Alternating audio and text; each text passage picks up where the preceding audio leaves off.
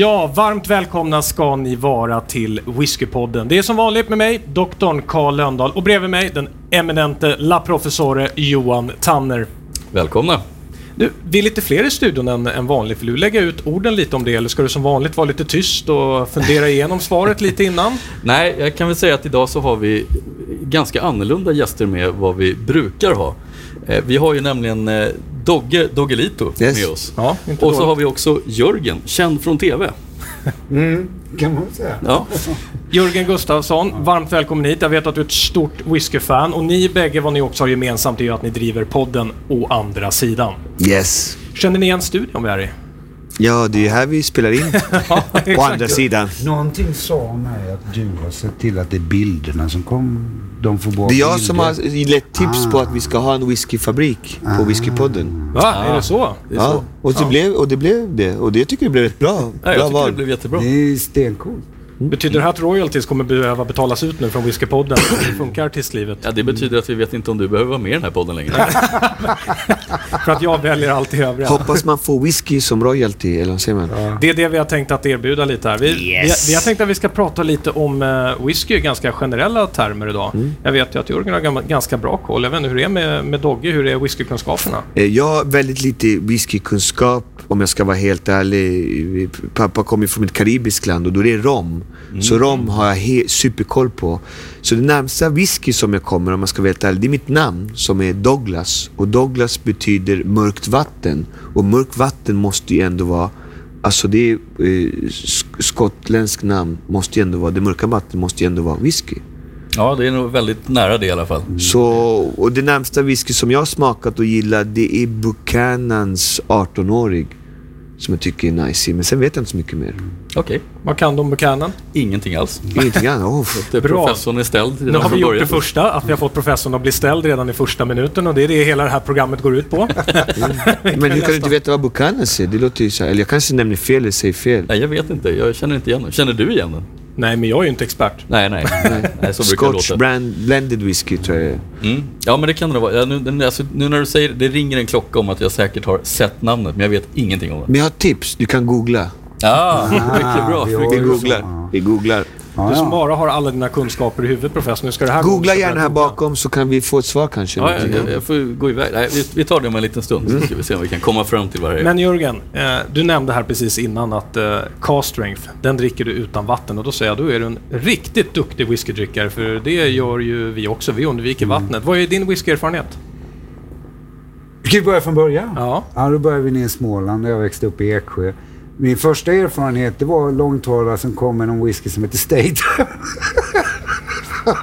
som man köpte på parkeringsplatsen. ja, ja, ja. Det var nog inte så mycket whisky, det var nog bara mer färgad sprit. Det var mer, nej, skämt åsido, men alltså fram tills jag eh, flyttade, flyttade upp till närmare Stockholm och fick en väldigt god vän som har jobbat på LM Ericsson. Så drack jag väl i stort sett bara sån här typ Johnny Walker Red Label och det, det tyckte jag var oh, wow, nu har jag druckit riktig whisky liksom. Som alla på den tiden kan man ju säga. Ja, i princip. Eh, sen träffade jag den där killen, eh, en jobbarpolare, så tog han hem och han hade ett helt skåp. Han reste över hela världen när han jobbade på LM Ericsson och köpte whisky. Han var total whiskyfreak. Vi satt en hel kväll. Efter den kvällen så kunde jag aldrig mer dricka Johnny Walker Red Label. Då var det bara de här, prata Oshintoshan, Baumor, alltså alla de här Macallan, Ardbeg. Och riktigt rökigt. Det var det han lärde mig. Jag, så jag brukar säga så att nej, men det ska vara ungefär som att lägga sig på järnvägsspåret och slicka på en riktigt gammal järnvägssliper. Då har man fått en bra whisky. Är det, är det fortfarande det rökiga då som är, som är kvar? Är det det du helst dricker? Eller? ja, Ja. jag gillar det när det är väldigt rökigt. Vi- Vilken är favoriten om du får välja? det är Ardbeg. Ardbeg, titta! Ja, Jag visste det.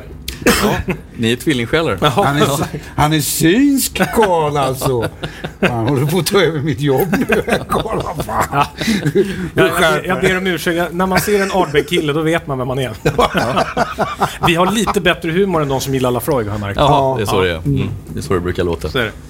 Vi tänkte att vi ska ta er på en liten rundvandring Okej. runt de olika whiskysmakerna som finns. Låter det bra? Det Absolut. låter väldigt trevligt. Och det, det är ju några komponenter som man ska komma ihåg när man, när man pratar om eh, whisky och när man prövar whisky. Och de tänkte jag att professorn ska få presentera för er här, för det är ju inte bara det här med smak, utan det är det med doft och det här att absolut inte dricka för mycket, eller hur? Ja, exakt. Eh, nu det vi har framför oss idag, det kanske inte representerar hela Skottland eller ännu mindre hela världen. Men det, vi har ett ganska bra tvärsnitt av eh, smaker och dofter framför oss som är väldigt stiltypiska. Eh, för whisky finns ju många olika varianter och smaktyper. Vi har ju som du nämnde eh, Jörgen så har vi ju de här blended whisky som var väldigt mycket i ropet fram tills, skulle jag säga, någonstans mitten av 90-talet. Kanske till och med i vissa fall början av 2000-talet. Då drack man nästan bara blended. Det var det som var finwhiskyn och single malt, det, hade, det, det var väldigt få som drack. Eh, men eh, det har vi inte med någon idag. Vi har ingen blender idag, utan idag dricker vi ju mest single malt. eh, Vi som gillar whisky i alla fall. Eh, sen finns det i och för sig bra blended whisky också, det ska man inte säga någonting om. Men, eh, men det, det, single malt är det som entusiasterna dricker idag. Smaktyperna vi har idag, det är att eh, vi, vi kommer utforska tre eh, särpräglade stilar. Det kommer vara rökigt, det kommer nog falla dig i smaken. Vi kommer titta på sherrylagring som är en, också en väldigt tydlig smaktyp. Som har lite mer sötma och tydliga toner av vin. Och vi kommer prova en whisky som är bourbonlagrad. Och då är den alltså lagrad på för detta bourbonfat. Och det är egentligen de tre grundstilarna Ja, men det kan är man väl säga. Den där var intressant med bourbon in- involverad i single malt också. Det är ju faktiskt, det är väl fortfarande den vanligaste typen som Det är faktiskt på. det. Det är den vanligaste lagringsformen av whisky, så är det på ex-bourbonfat. Så dricker man exempelvis en blender, så du nämnde Buchanans, då kan vi nä, nästan till garantera att säkert mer än hälften av innehållet från som kommer från själva whiskyn är säkert har legat på ex-bourbonfat. Mm. Okej. Men det ska bli lite spännande att se vad ni tycker om de olika stilarna och vad ni får eh, för upplevelse av de här stilarna. Kanske hittar en ny favorit. Okej, så var börjar vi och hur gör man? Ja, vi har ju tre glas framför oss. Jag vet att de är av helt olika storlek, men det ska vi inte bry oss om. Eh, längst till vänster börjar man generellt sett när man har flera whiskys uppställda i någon speciell ordning. Eh, Har det med vänstertrafiken att göra? Ja, det har mera kanske med... Jag vet inte om det är någon som har vänsterhänt som börjar. Eller så är det bara nummerordning. Så kan det vara. Det kan ju vara så. Eh, den första vi har är den lättaste i smaken och det är oftast så man testar whisky. I första glaset så har vi en, en whisky från eh, ett destilleri som heter Kleinlich. Som inte är jättekänt om man inte är whiskyentusiast. Man kan kanske ha träffat på det någonstans. Och den här whiskyn är eh, en eh, bourbonlagrad whisky. Eh, som jag skulle säga är ganska stiltypisk för området den kommer ifrån. Och det är Speyside i Skottland. Ett av de whisky-destilleri-tätaste områdena i Skottland. Så vi kan väl dofta lite på den. Ja, visst. Och hur gör man det då för att få bästa? För nu känner jag att den är lite kylig här nere. Ja, en sak som jag brukar rekommendera när man ska dofta på en whisky är att värma den lite först. För kall sprit luktar mindre. Eh, varm sprit luktar mer. Och det gäller nog faktiskt även rom. Det gäller allting egentligen. Öl, det- jag lärde mig vad det gäller öl. Det dricker man gärna ljummet i Danmark för att få framhäva smaken mycket mer. Mm. Du tar ju bort smakämnen. Stämmer, som de gör i England Ja. alltså. Dock måste jag säga, jag har ett väldigt dåligt minne från att jag sitter på eh, 401 i Stockholm, den går till Älta. Och där inför en fest, jag var himla sent till en fest, eh, så hade min kompis släpat med sig öl ombord. Och den hade legat så här 30 grader i solen med Sofiero. Denna guldöl. Och, och sen dess ska jag säga att det ska vara iskallt när jag dricker öl. Du klarar inte det. Nej. Jag dricker faktiskt, jag ber att få alltså, rumstempererad öl. Ja. Det Kan man få det i Sverige? Ja, det går. Det finns faktiskt vissa ställen som tänker på ett sånt sätt. Ja. Och vet att folk vill ha, kanske inte iskalla. Spännande. Ja, vi kan eh, dofta lite på den så får vi se vad, vad ni tycker. Den här är ju nu ganska stark. Jag, nu har jag inte den Ja. exakta procentsiffran, men jag tror att den här är uppåt en 60 procent. Alltså det är stämmer. otroligt starkt. Ja. Alltså. Och då kan man ju även när man doftar om man vill ta i lite vatten. För då tar man ju, då tar man ju ner doften lite grann. Så kan man ta en sked vatten i. Och då tar man ju ner den här spritigheten.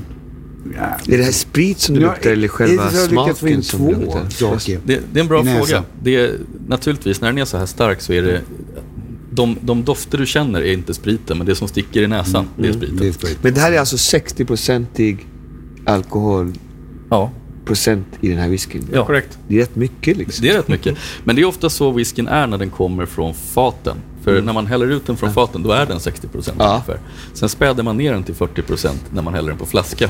Okej. I många fall. I vissa fall gör man inte det, för man vill låta kunden själv välja hur mycket vatten ska jag ha i. Ja, okej. Och man vänjer sig ju. Det är ju det som är grejen. Att desto mer whisky du doftar på så vidare så vänjer du att ta ut Men då behöver man inte dricka så mycket för att bli berusad eller? Nej. Nej, Nej. Man, man behöver dricka ganska lite av, av sån här. Men eh, vad tycker ni om doften? Jag tycker den är jätteintressant.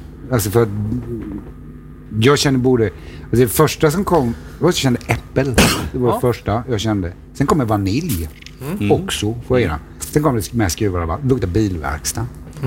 Ja, lite olja nästan på Ja, lite olja. Det är något olja i det som gör att jag känner någonting annat av det. Och det är kul att du säger just vanilj, för vaniljen kommer från bourbonfaten. Det är bourbontoner du känner och oftast i vaniljen. Det är därifrån det kommer. Det är kul vilka, vilka proffs vi har att göra med som sitter och tar ut alla dofter i en Kleinerlich. Ja, du behöv, nu säger jag samma sak till dig. Du behövs snart inte längre. Nej, jag är rädd för det. Det enda jag kan konstatera som jag tycker är så trevligt i de här, för det här skulle jag då beteckna som en ganska balanserad traditionell whisky. Och då är det utöver vaniljen och allt det här så kommer ju smörkola fram. Och det tycker jag är, det är så trevligt. Så dofta igen och känn när smörkål nästan mm, sipprar upp genom näsan. Det Det, är stämmer. inte dumt. Ja. Det finns någon eh, antydning till det. Ja. Alltså man har luktat efter ett tag. Liksom. Då kommer det. Mm. Det är stark lukt alltså. Mm. Det är stark. Men ta lite vatten i så det blir lite lugnare. Då blir det mer dofter som kommer fram och mindre spritighet. Eh, nej, jag tänker faktiskt vara så fräck så jag doppar tungan i den här också. Så du doppar tungan. Mm. Ja, tipset här är den är ju stark så att inte för mycket utan bara några droppar på tungan det räcker. Inte Liksom. den. Mm. Nej, man ska nog inte försöka shotta den här. Det är inte att rekommendera. Och nu håller jag verkligen med dig om bilverkstaden som kommer. Lite mer i smaken. Oh, den bränns. Mm. Shit. Men där känner man ju också bourbon. Tycker jag väl. Bilverkstad och bourbon känner jag ju. Ja. Jag, känner, jag känner ju inte så mycket single malt i den. Det gör jag Nej. inte. Utan jag känner mer... Ja, möjligtvis efter, för den är ju ganska söt. Mm. Är den, den ändå får landa i munnen. Dogge tycker det är lite starkt. Starkt. Jag funderar på vad jag gör i den här podden just nu. Liksom. Alltså, det, här, det var sjukt starkt. Vem har kommit på det här nästan liksom? Jag tror nog att rom är lika starkt när du tar det från faten. Men Ja, eh, den är. mycket mer sällan eh, serverad i, i det man kallar för Ja, cask strength eller fatstyrka. Det är 40 procent när man dricker flaska. Ja. Men den är, det är mer socker någonting. Ja, det, jag- det är mycket sött. Jag fick faktiskt rom ifrån Jamaica när jag var gift. Min före detta fru, eh, hon är halvjamaicanska. Hennes farbror skickade. Och den var, den var helt vit och det var rom och den var 60 procent. Mm. Så den var, Ja. det var riktigt ja, den är ju det från början ungefär. Det är ju någonstans dit man Det var destillerar. starka grejer alltså. Ja. Inget för barn det här i alla fall. Nej. Matsåserad. Det här är barnförbjudet. Det här blir Mm, inte en ny favorit för dig. Du håller dig till romen än så länge. Ja, det kan... Jag tror att det kan vara trevligt om man har någon sån här uh, uppesittarkväll med grabbarna och liksom... Jag vet inte om man grillar eller sitter framför någon brasa eller har några schyssta tjejer. Kan man... En lång natt liksom där man diskuterar och snackar tror jag skulle Ja, funka. möjligt. Jag, jag säger Men man får ju hålla väldigt låg liksom. det här är ju den whiskyn jag bjuder kompisarna på. Där får du dricka på väldigt lugnt. Det var inte din smakprofil Jag, jag vet vilken du är ute efter här i serien. så Nej, att- alltså, nej det, var, det, var, det här var inte riktigt min smak. Nej. Jag, jag känner ju mer, alltså det... Nej, jag vill ha det där där det stingar till lite mer i det hela. Det är inget fel, den var god och så, men nej. Mm. Väldigt intressant hur som helst. Och bara, bara för att vi har såna whiskyälsare har, så jag har jag en liten överraskning här bakom sen Du också. har en överraskning sen Ja, jag har en överraskning som vi måste ta mellan de här, men då får man bara pröva en liten, liten droppe. Mm. Okej. På lite spåret som Jörgen redan har varit inne på. Mm. Ska vi pröva nästa då? För nu ska vi förflytta oss till en andra, Yes. ska vi kalla det extremiteten utav whisky. Ja, det Vi har tre stycken sådana här om, inte, om inte annat eh, stiltypiskt, för att nu går vi in på sherrylagrad whisky. Okej. Eh, och eh, den här är tungt, tungt sherrylagrad. Eh, den heter Glenfarclas 105 den här.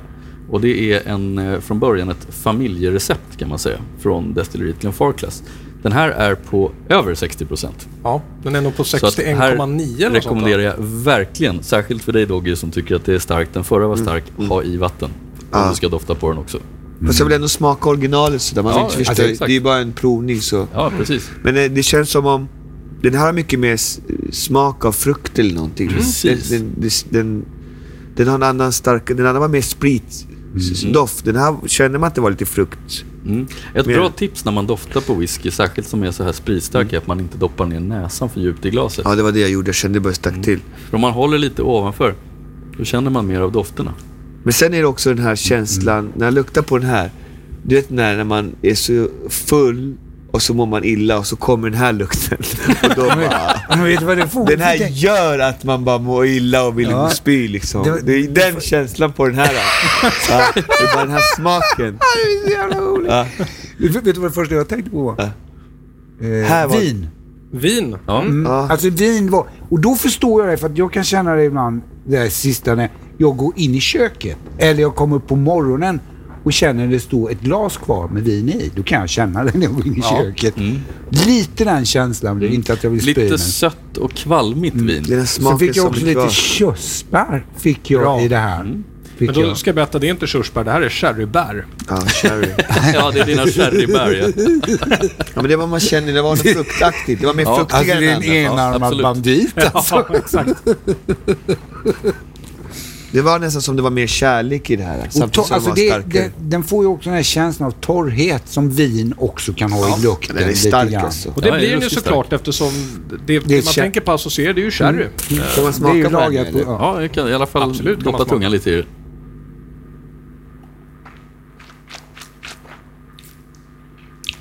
Ja, den är ruggigt stark. Ja. Jag brukar personligen vattna ner den här, eh, även om jag normalt sett inte vattnar ner cast strength. Så den här, den här vattnar jag. Shit vad det brände till. Skott.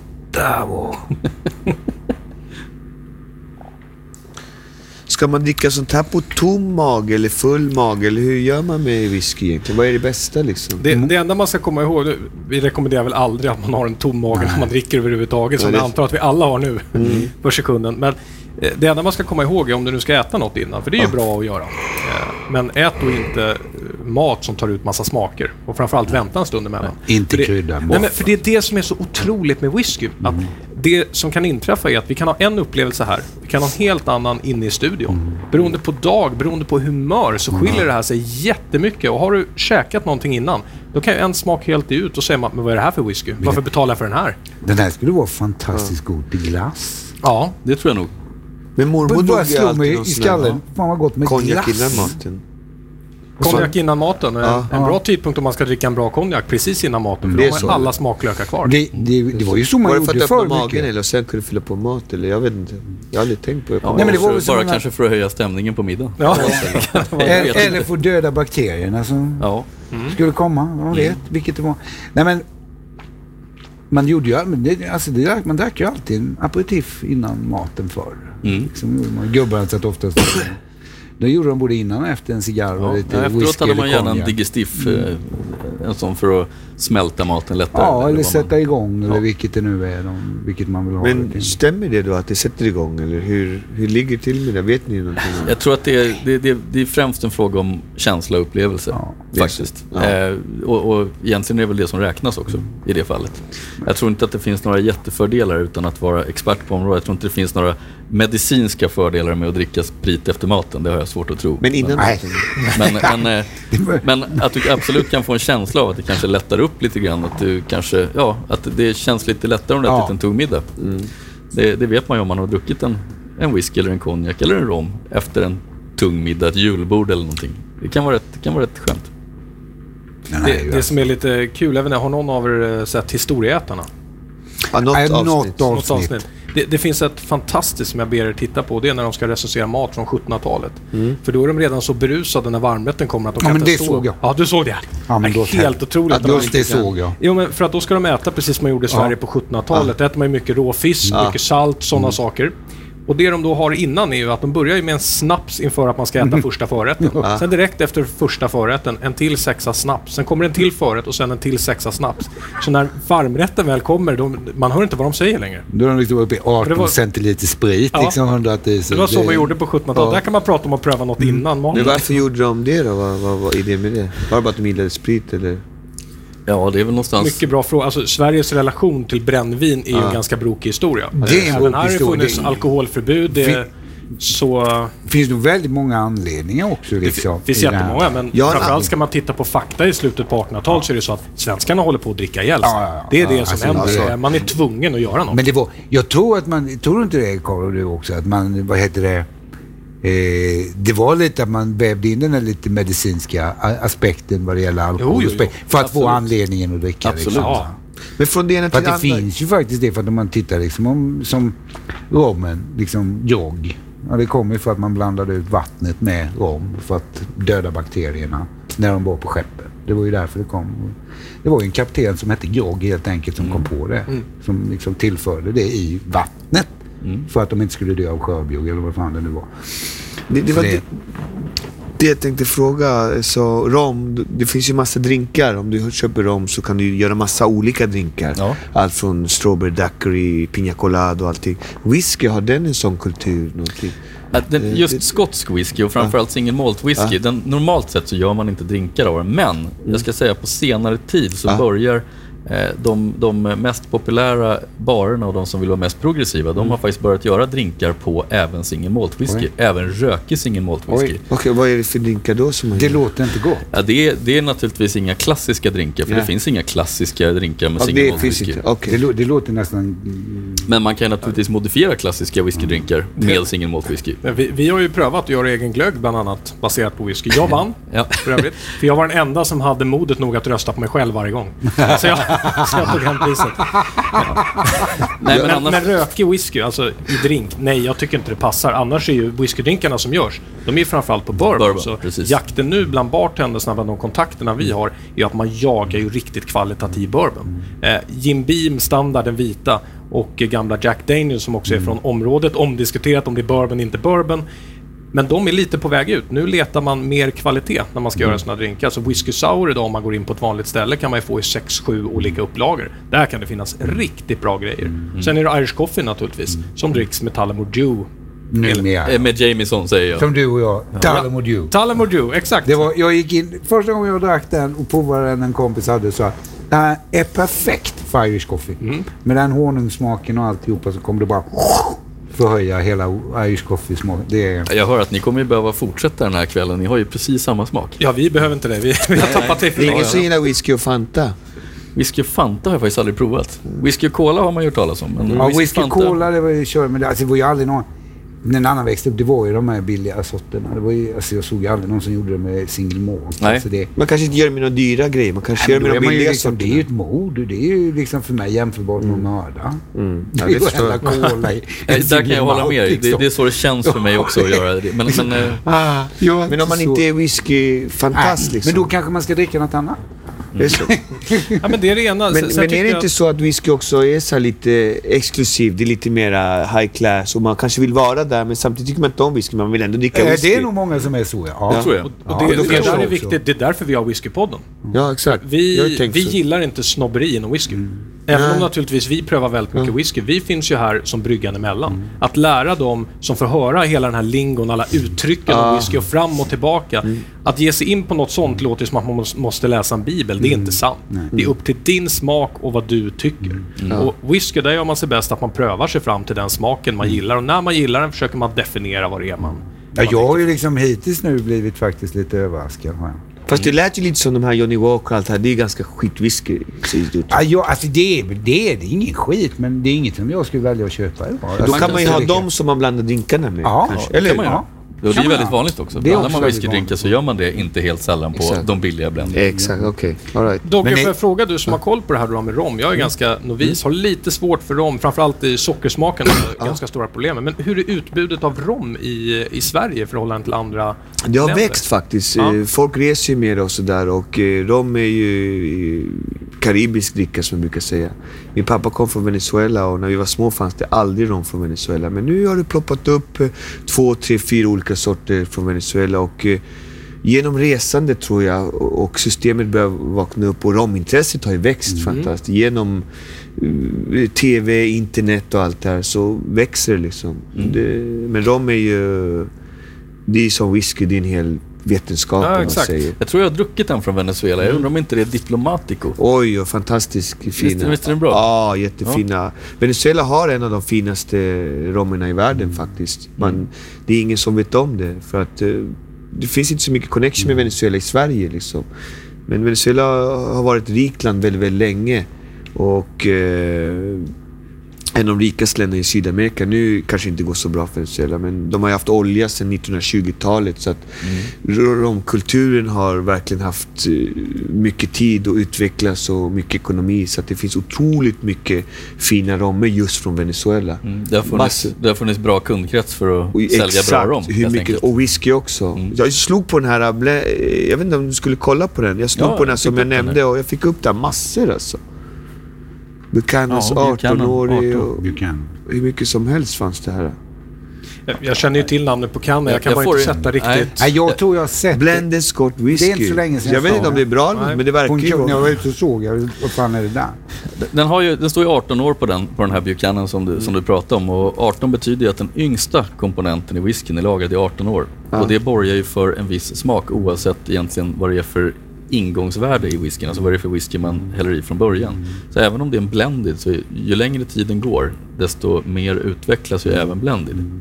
Så det gör att en, en, eh, en 18-årig blended ska man absolut ha ett öppet sinne för och faktiskt prova som jämförbar med en single malt. Jag får väl eh, Här hittar jag en backa lite. 12-årig och en 20 och 24-årig också.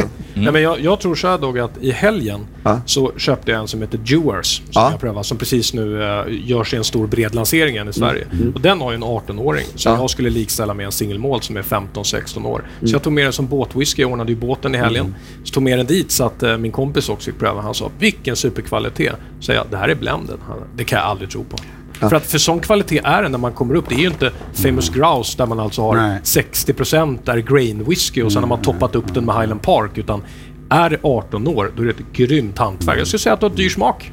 Okej. Det gillar Men, eh, det? men eh, alltså, är det, det är det jag vill också komma Alla kanske inte kan whisky så här. Men är det att det, om det står 12, 18 eller vad det nu är, 14, det finns 24 också kanske. Jag vill ha en, Det finns nog alla årtal. Det finns alla Betyder det då att desto högre årtal, desto finare och dyrare grejer är det? Det behöver inte vara så. Det Ja, behöver inte vara så. Nej, dyrare, absolut. Dyrare, det, det är alltid dyrare. Alltså en, en, en högre, ett högre årtal är alltid dyrare än ett Ja. lägre årtal av samma whisky, av samma destilleri. Absolut. Finare, precis som du säger, inte alltid. Eh, det är dels en smakfråga. Det kommer andra smaker med åldern. Det kommer mer smaker från trät. Du Ja. får börja få lite... Alltså då kanske- menar du de här tunnorna och det? Precis, Exakt. från faten. då kan du få lite bittra toner som kommer. De blir mer och mer bittra ju längre tiden går. Och det är inte alla som gillar. Nej. Eh, och whisky kan till och med bli sönderlagrad. Man kan lagra den så länge så att den bara smakar fel saker. Sånt som inte är gott. Alltså att den bara är bitter, smakar gamla gummidäck och alltså sådana saker. Det, det är inget vidare. Så att någonstans finns det en övre gräns. Jag kommer ihåg när jag var liten, då, alltid föräldrar, då var det mycket så här Chivas Regal och sådär. Mm, den var man- väldigt stor. den var stor då? Ja, det var den. Och Inte- det, De äldre Chivas Regal håller ju också mycket bra kvalitet. Det är, så- Ja, är det bra? Är det bra? Ja, Jag, jag tycker det. Min Det personliga jättebra smak från, Det är bra från grejer, Chivas det. Regal som är 12 upp till 18. Sen finns ju Chivas Ultra som är specialutgåvorna. Ja. Jag tycker Chivas håller riktigt hög kvalitet. ja, men det, gör det de. är från Skottland också? Det är eller? från Skottland. Det är en blended whisky från Skottland och den klassades då, den tiden du beskriver, som kanske blended whiskyns Rolls Royce. Ja. Det var det var, det var Den liksom den När finaste jag växte upp så var det ju den Ja. finaste. Det var ju Chivas. Var det på Exakt. 70-talet då eller? Nej. Ja, 80-talet. 80-talet, Ja, det var höll nog i sig 70. Det var nog så lika på 70 Början på också. 80-talet. Men nu är inte den 70-talet, med längre 80-talet. lika mycket eller? Den, den finns i lite specialvarianter, men jag tror någonstans att Chivas i den här perioden, nu får ju experten uttala sig sen här, men när singelmalten kommer, när det börjar bli lite ofint att dricka blender, tror jag många sätter stämpeln med Chivas att ja men just det, det är en blended. Och, det, och det är väldigt dumt därför att Chivas i jämförelse med en blended som du hittar i en Famous eller liknande där komponenterna oftast är 4-5 år. Chivas säger ju, vår yngsta ingrediens, den är 12 år. Det vårdar för någon typ av kvalitet även om man kan ha olika smaker. Chivas, det är bra grejer. Ja. Men jag måste säga, ett land faktiskt som jag... Som är underskattat faktiskt när det gäller whisky, det är Japan. Ja, Absolut. Jag har varit där, jag har varit alltså, det jag glömde säga, men det är också en av de absolut största upplevelserna jag har haft. Så var när jag, jag var där och gjorde TV och eh, så frågade de mig vad vill du göra? Jag skulle vilja dricka whisky, säger jag så här. Det var lite på skoj. Så här. Ja, visst. Kommer de på kvällen så kommer de och hämtar mig. Så kom nu ska vi gå du och jag. Okay. Så han hyrt ett ställe. Alltså han har hyrt en hel bar. Alltså väggarna, det är... Om du tittar därifrån och så dit. Och så måste vi lägga på en meter till. Whisky på hela väggarna. Japansk whisky. Inte bara. Inte bara, nej. Nej, men då var jag, provade jag japansk whisky och den är faktiskt väldigt, väldigt god också. De håller hög kvalitet även om det... Jag gillar när de vågar ta ut svängarna, då är det förbannat bra. Ja, Ja, då är alltså det, det, det är riktigt bra. Och därför har jag med mig en överraskning. Du sa ju att jag var synsk. Då eh, ska jag berätta för er att eh, det här är ett gäng som har tagit väldigt stor inspiration av japanerna. Och japanerna hade ju världens nordligaste destilleri. Fram tills Box från Ådalen övertog den platsen. Så det här är svensk whisky. aha. Lagrad i Ådalen, den mest hypade svenska whiskyn tillsammans just nu med, med Smögen. Och jag tänkte för er som dricker här eller vill dofta och så, så finns det ju två tomma glas och det är jag och Jörgen. Vi var de enda som förstod hur man dricker whiskyn. Så jag föreslår, häll upp en liten centiliter får ni se hur den senaste svenska utgåvan nu smakar. Hur långt de har kommit på, om det nu är, är det sex år man är uppe i?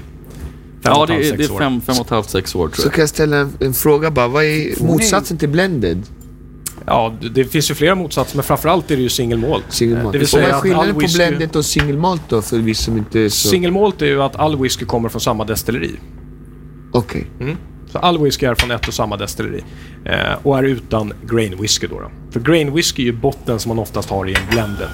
Och den skulle jag likställa med, om det är en lite sämre grain whisky, att det smakar nästan vodka. Det är därför den blir utspädd. Ja. Och sen toppar de ju då med massor av olika smaker från olika destillerier. Så en Famous Grouse exempelvis, som är väldigt kända. Där vet vi att väldigt mycket är Highland Park som bland annat tar fram lite av röken som Så, kommer i så man kan säga att blended är lite mer lightare whisky? Ja, Ja, Så, generellt det är sett. så man säger, lite light. Nej. Det är lite lätt Lättare. Jag, jag säger att Lätt att dricka ja, den är lättare och single malten är tyngre Ja, helt enkelt. Men det är också Det så är att liksom, i med... Blendy smakar ju då mera sprit, för det är mindre smaker som maskerar alkoholen. Exakt. Den är närmare en vodkaton än den är eh, en, en Jag tänker, i pappas land dricker jag- de ju alltid den, till exempel här Buchanan och blended. Mm. Och det är ett varmt land. Det är, eh, vad är det? det kan vara 30-40 grader varmt liksom. Mm. Och vad, kanske, har det någonting med att göra? Det tror jag. Det tror jag utan tvekan. För att du vill ha något som är lite lättare, du vill ha något som är ledsammare. nu tänker jag inte citera vem som berättar det här för oss, men en ganska stor skotsk whiskyprofil sa att det han föredrar absolut mest att göra på en varm sommardag när det är 35 grader, då vill han ha en Red Label och två isbitar. Ja, faktiskt. Jag sa, för det är det som passar i den situationen. Ja. Ingen vill ju sitta och ha en jätterökig, kraftfull Nej. whisky när svetten Nej, rinner, eller hur? Man vill ju ha något som Ja. är lite lättare. Det ska ju vara när det är kallt då, eller hur? Mm, precis. Framför När det är brasan. kallt och mörkt, då kan man ha det mörka och... Okej, alright. Det, det, det Det måste är vara... säger, det- kulturen ligger drömvi- Drömvisionen är ju sen, nästa gång vi kommer hit så ska det vara en bild, det är min bild. Ska det vara som att sitta och titta rakt ut över en sån här jätteklippa från ett slott i Skottland och sen bara titta ut över havet där det är full storm. Och så sitta och dricka whisky. En rökig. En rökig whisky. Dofta nu på den här svenska, för jag är jättespänd på vad ni, Den är... vad ni tycker om För, den. alltså jag tänkte säga att man måste låta det vara för att jag luktar direkt när du har hällt upp. Det var inte så smart märkte jag. Då För är att, den kanske lite stickig fortfarande. ja, och så väntade jag då.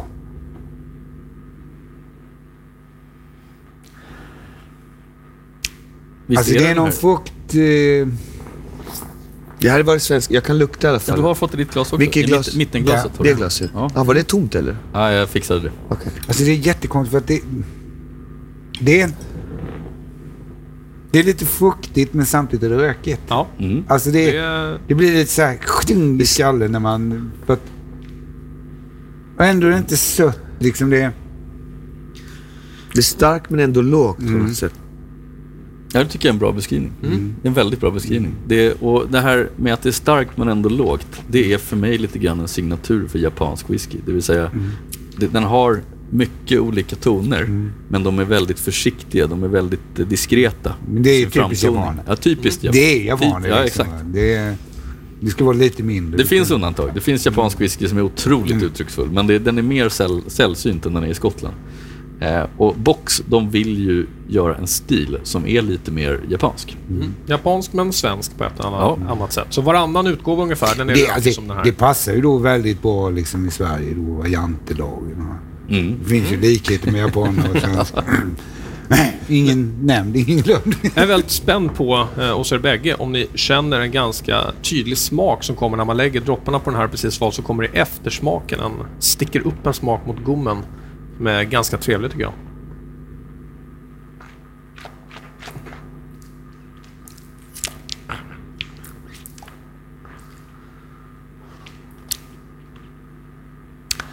Den var svårare än jag minns den faktiskt. Du har aldrig prövat den, det kan bero på det. Alltså det kanske ja. Det har jag väl visst det. Det har du inte alls. Nej, det är ju second step. Det, det har jag faktiskt inte. Det sista är second step, så mm. det kan mm. jag förstå. Det, det jag känner som nästan kommer fram är lite tallbär, dynamit och krut som åker rakt upp i gommen. Vet inte om det är jag som lever mig Alltså, tillbaka till ett alltså, jag, får, 1800-tal. jag får för mycket hickory i det. Hickory? Mm. Ja, jag känner lite hickory i det. Alltså just... Och det här rökiga. Och jag känner igen det här från japansk whisky. Det gör jag. Från det när jag var där. Nu ska man säga att det här är inte färdiglagrad whisky. Den här är väldigt ung. Den är fem och ett halvt Mm. år. Eller hur? Den, den är fem och ett halvt år, men vad häftigt det är för att eh, en fördel vi har i Sverige då, varför de här fortfarande kan vara så bra efter fem och ett halvt år, det beror på temperaturskillnaderna. Whiskyn utvecklas ju då med temperaturskillnader och Sverige på den breddgraden när de är uppe i Ådalen har ju förmågan att man har bland de största spannen utav temperaturskillnader över jorden. Samtidigt blir det inte tillräckligt varmt så att det börjar dunsta alldeles mycket. Och det gör att klimatet att lagra whisky i Sverige, den är bra professor. Mm. Du har läst på hör jag.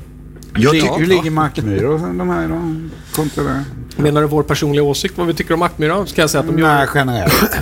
Eh, Jag har aldrig, jag har aldrig smakat så jag vet. Ja, du har inte gjort det? Nej, nej. Ma- Mackmyra, då ska inte vi förstöra dina, dina drömmar på något sätt. Jag säger så att Mackmyra på små fat, privatlagrade fat, är vi jätteimponerade av. Och det finns, eh, kanske bland världens bästa whisky kan finnas på privattunnor hemma hos eh, privatpersoner i Sverige. Eh, så är det verkligen. Eh, sen är vi kanske inte riktigt lika imponerade av de stora utgåvorna och professorn och ganska många med honom tycker att man lagrar whiskyn fel, för man lagrar whiskyn i en gruva, professor. Ja, man gjorde det. Eh, Det är så här, nu ska vi inte, nu ska vi inte gå in för djupt på Mackmyra igen och, och, eh, och det. Men, men man kan summera det med att Mackmyra var först i Sverige med att göra whisky Ja. i modern tid. Mackmyra har fått ta smällen och göra alla misstag man kan göra. Mm. De har lärt sig på vägen. Jag, jag skulle gissa om vi går tio år från nu så kommer de kanske vara bäst. Om de klarar sig så länge, jag hoppas det. Men de har fått ta alla smällar. De andra har ju bara kunnat titta på Mackmyra, inte gjort deras misstag Mm. och sluppit det helt och hållet. Så kvaliteten som har kommit ut har varit extremt varierande med jättestora variationer. Om man får tala om det här också. Det är också en annan kompis, en god vän till mig som spelar golf. Jag spelar ju själv golf. Och han brukar åka ofta till Skottland och Irland. Och så. här. Han sa det, får du chansen så han, åk dit. Du som gillar whisky. Och så gör du så här. Sen åker du ner till byn. Och så åker du dit och så ber du att få smaka dens byns Ja, whisky. det lokala. The local Det dram. är så du ska göra, för då får du smaka whisky som du aldrig någonsin mer kommer att smaka i ditt liv. Om de inte... Det kan finnas en flaska Mm. som de bara har gjort på den. Får jag fråga, dricker de mycket whisky i Skottland? Ja, det verkar de göra. Det är mycket, men de dricker, ja. Det är, det är lite national. Och sen gör? De bland golf- lite Bland golfare är det ju liksom, det är ju liksom vedertaget Ja. liksom whisky. Åker Yes. du till Skottland så är det golf. Det är ju Golf lite grann nationaldrycken. Ja, det är ju, det det är är ju det. whisky. Det är så. Ja. Eh, och det man dricker mest av i Skottland, det är kanske lite märkligt nog Famous Grouse. Mm.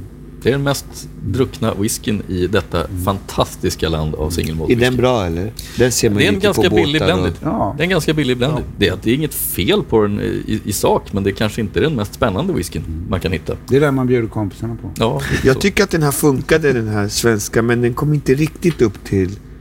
Riktigt än till det Nej. andra som jag luktade och kände. Till den förra, den den sherrylagrade. Ja, de andra som vi Nej, smakat på lite så du säger, nej men den skulle nog kunna bli väldigt, väldigt bra. Ja, Men den är på den gång. inte klar. Jag känner att Ja, den var på gång. Exakt. Den, den, den, den känns som den var Men alltså den känns lite feg. Mm. Mm, den behöver ta ut svängarna lite mer. Ja, jag hade velat känna det här som jag lätt kunde ta på de andra. Det blev de lite andra. mycket sprit. Ja, men det kan, kan det ha att göra med att den Det är inte är lagad? Till, Ja. Alltså att det Ja. bara är fem år? Absolut, det är klart Att det är det. Det kommer det fram mer ja. sprit eftersom den är så pass ung som den är. Mm. Eh, men från den ena rökighet till en annan. Nu ska vi prova rökigt. Det är det sista glaset. Ja, det är det är sista sista glaset, glaset. Nu ska vi till hemmaön, Ayla.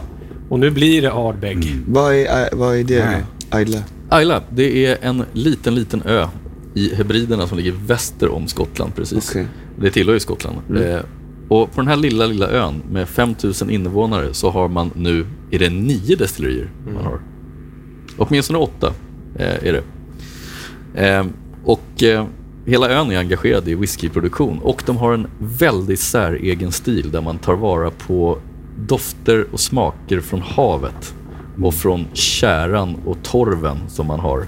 Alltså det, det är ju det det luktar. Det är som att komma ner. Alltså det, den här är ju fantastisk. det är precis det jag är ute Den här var lite närmare den svenska tycker jag. Ja, den är ju, den är rökig. Ja, Lite den. grann, alltså. Mm. Inte jättemycket, men det var... Det var det Jag hållet. kan, jag kan inte hålla mig, den är så jävla god. Så säger bara en sann Ardbeg-drickare. Ja, jag kan ju hålla med er om att det här är för mig en absolut topp top Ja, den är- 5-favorit. Den är, den är jättebra. Den är helt sjuk. Och det, är inte, alltså det är så få som förstår den menar jag på. Jag har bjudit säger, de bara, äh, fan är det här bra? Det är ju jättebra, då får jag det själv. Liksom. Men måste man inte få sån här whiskyface för att det ska vara så här, "Äh, Det är jävligt bra grejer. Eller kan man inte ha det här whiskyfacet? Det är inte då kvitto för att det är bra liksom. De bara, Nej, jag vet inte. Och lite kanske. Första, bara- första gången fick jag nog när jag drack den här, för jag blev så chockad. För att den ser, det ser ut som vitt vin. Ja, Ja, det gör ju det. Det är och sen är det som att liksom. stoppa Nej, ner exakt. tungan i en kärr.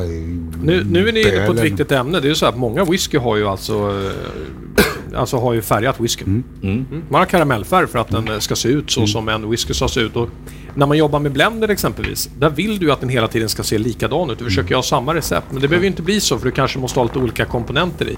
Då färgar man den för att den ska bli exakt samma färg så man ska känna igen sig. Men tycker ni det är okej med karamellenfärgen och sånt? Jag tycker ju att det är ett väldigt konstigt grepp. Jag tycker ju att varje flaska ska få ha sin identitet. Ja. Ja. Eh, Så därför tycker jag att det är li- lite konstigt att göra. Sen, sen kan jag förstå eh, massproduktionen, att man gör det. Men jag, jag blir förvånad när ett destilleri som Bowmore, som jag gillar väldigt mycket, som ligger på Ayla, som har unikt trevlig whisky och släpper mycket specialutgåvor. När de har färgämne, då, då blir jag faktiskt lite irriterad för de är inte gjorda för den marknaden. Så jag Aha. förstår inte riktigt. De behöver de ska väl De få ju- färgen de har- av de här faten? Är Det är tanken, Ja, ja. Det är är det tanken. tanken? Mm. Varför blandar man in liksom... men är det det- för att det, de, de säljer så mycket volymer så de hinner inte med att lagra så att de Nej, det måste handlar, i. nej, nej, absolut inte. Det är Alltså, det. kvaliteten är samma oavsett färg. Om du har till exempel en, en 12-åring från Bowmore eller en 10-åring från Ardbeg, ja, den är ofärgad så det är ett dåligt exempel, men säg en 12-åring från Bowmore. Man färgar den inte för att den inte är lagrad i 12 år, den är fortfarande lagrad i 12 år. Det är bra whisky, men den får olika färg beroende på faten. Eh, sen kan det också vara så att man lanserar en ny whisky och så ser den ut så här när den kommer, när den kommer ut från faten och så Ja. tänker man att vem skulle dricka det? Det ser ut som vodka Ja. nästan, eller vitt vin eller någonting. Ja. Nej, men då kommer folk tro att den inte smakar något. Så vi färgar den så den ser ut som den smakar mer. Precis. Så att den blir lättare att sälja. Alltså när den står på hyllan så ser den godare ut. Mer attraktiv ut. det är Radio. Ardbeg är är bara- smartare trick. För det är samma med romerna har jag märkt att köper de pappaslant så då är den lagrad och så här. Men de, de har köpt licenserna till Spanien till exempel. Mm. De kör venezuelansk rom. Och då är det ju karamellenfärgen eller från Tyskland karamellenfärgen. Det finns Och det ett blir, man ju problem med leds, rom. det blir man ju ledsen liksom. Ja, det då, blir man. Och det det, blir så här... vad värre är med rom är att det finns inga formella regler för vad som får kallas rom. Aha. Utan rom får man egentligen ta vad som helst som är, är destillerat av någon form av sockerbaserad melass. Får Ja. du kalla rom. Sen Ja. får du ha vad som helst i. Du kan ha kaffe i, du kan ha socker, du Okej. kan ha vad som helst. Man sockrar ju ofta upp rommen. Det är i princip som att göra hembränt då alltså. Ja, eller som en slags snaps i vissa fall. Att man, Ja. kryddar, man kryddar brännvin. Ja. som det, är, det är skillnad på de man köper från därifrån eller man köper de som har licenserna. Ja, De, de licensierade som gör de här samma märken och allting. Det smakar nästan bara sprit. mm, Den här hela rökigheten eller sockerkänslan, den är helt borta liksom. ja. Men det är det jag tycker är så synd. För att en bra rom Ja. är ju minst lika bra som en bra whisky. Exakt. Men skillnaden är att eftersom det inte finns några regler kring Mm. rom så finns det fantastisk rom och det finns rom som smakar lacknafta i andra änden. Och så finns det allt däremellan. Ja. Whiskyn, där finns det sedan många hundra år tydliga regler för vad som får kallas whisky. Och då finns det en, en lägsta nivå som man ändå måste hålla. Okej. Och det är en fördel. Det skulle faktiskt Ja. rom, romvärlden behöva också. Fast Skottland är ju bara en ö liksom. Karibien, det är vet, det är många pirater. tusen öar alltså. Det är pirater. Mm. Karibien. Ja men det är många tusen De vill inte öar ha regler. Det, det är skillnad.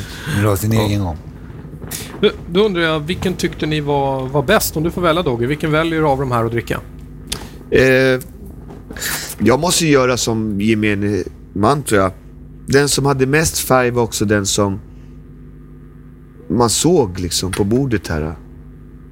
Den såg mest behaglig ut. Nu har jag hällt ihop dina två första in där, så det är Ja. därför den där luktar Ja, konstigt nu. därför. Ja, den luktar Den aldrig. kanske, den kanske blir min, god. Ta min. Det är den första. Det var den första. Ja. Jag, jag skulle nog säga den första någonstans. Mm. Den var cool på något sätt. För den hade färgen och den hade stark men ändå blev det mild när man blev, när man blev van vid lukten. Mm. Lite. Och det var, vilken var det? Det var... Det var den som var från Kleinerlich och just den här flaskan det är en så kallad single cask release. Mm. Det betyder att det är bara ett enda fat som man har tagit den ur. Så har man bara tagit och gjort ett par hundra flaskor, för det är det som man får ut ur ett fat.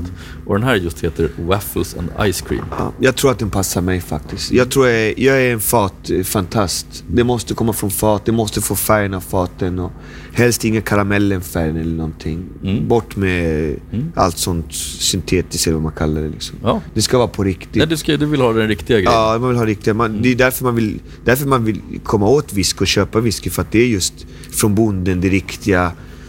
Det andra har inte börjat lägga sig in liksom. Det ska vara riktigt, alltså.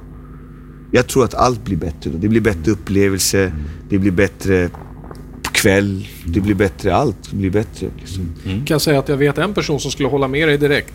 För jag ställde fram en serie med sju stycken whiskys. Ja. Ganska olika prissättningar. Och så fick min flickvän prova.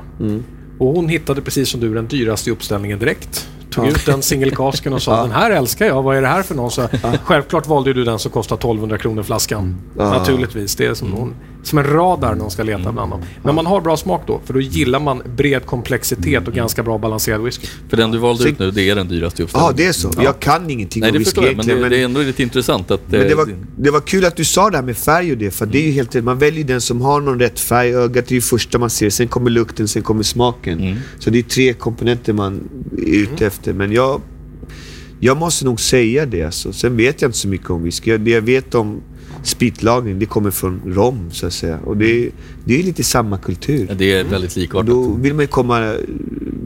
Man brukar väl säga att desto närmare bonden man kommer, desto finare grejer får man. Så brukar det vara. Så det är där man vill ju handla från han som står där och trycker in det här i, i de här tunnorna.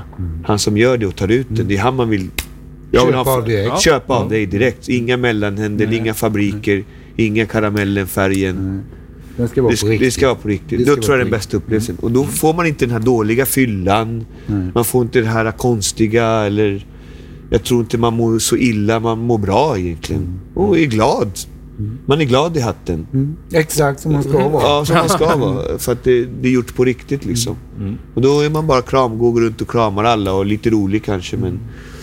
Det är också det tror jag man...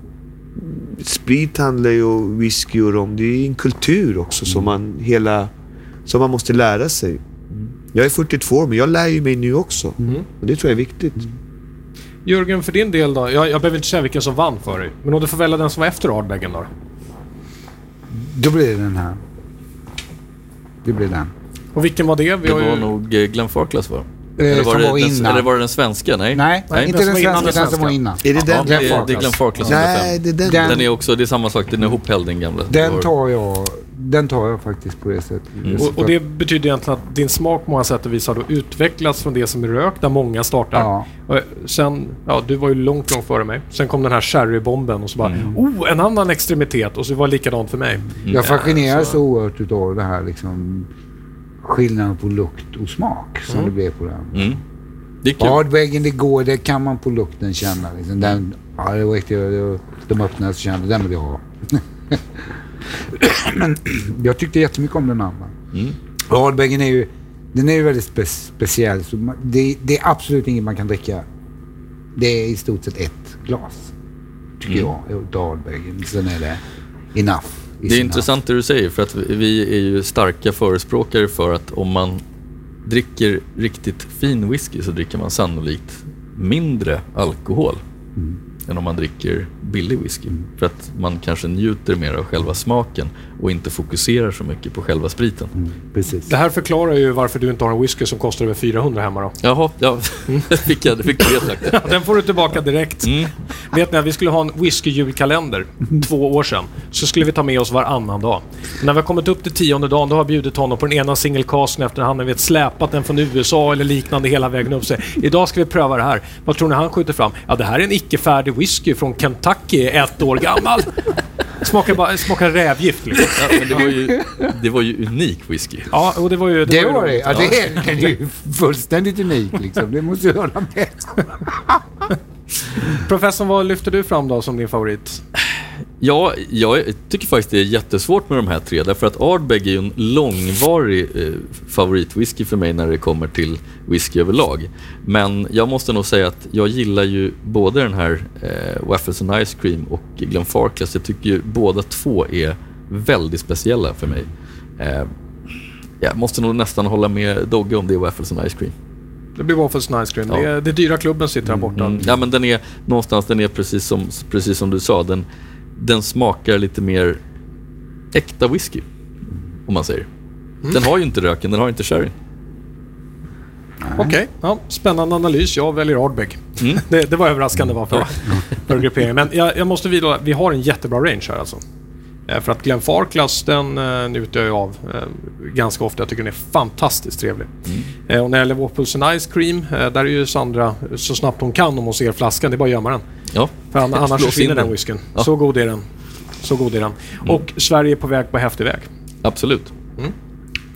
Jag tänkte att vi börjar avrunda där. Ja. Vi har tagit er på en liten resa Ja. inom whiskyns Det värld. var Vad- tyckte ni? jättetrevligt. Ja. Fantastiskt, jättekul. Det var som en lektion i whisky och nu kommer man ju titta lite extra gång man är i affären eller Man- är hos någon ja, kompis. Och, Det är det man får. Man kollar whisky, man kollar de här flaskorna, man kommer hem till folk, liksom, ser man vad de har för någonting. Och, Mm. Som man aldrig har gjort innan. Liksom. och jag har aldrig varit i Skottland. Tänk vad fantastiskt jag kommer med kunskapen nu. Och jag säger det liksom att jag ska ju dit. Jag har inte kommit iväg till Skottland än. Vare sig spela golf eller dricka whisky. Men det måste bli av. Ja, det är en bra kombination. Ja, Mm. det är det. Jättekul att ha er här. Fantastiskt trevligt. Och eh, eh, det enda rådet jag vill ge på vägen är glöm inte att det viktigaste är vad man tycker om. Ja. Det Tack så mycket. Tack ska ni ha. Ja, och eh, på Tack. tal om det man eh, tycker om. Jörgen Gustafsson och Doggy Doggelito, de kan ni ju höra och se på i å andra sidan när ni vill. Och med det säger vi tack och hej från Whiskypodden idag och på återseende. Jack.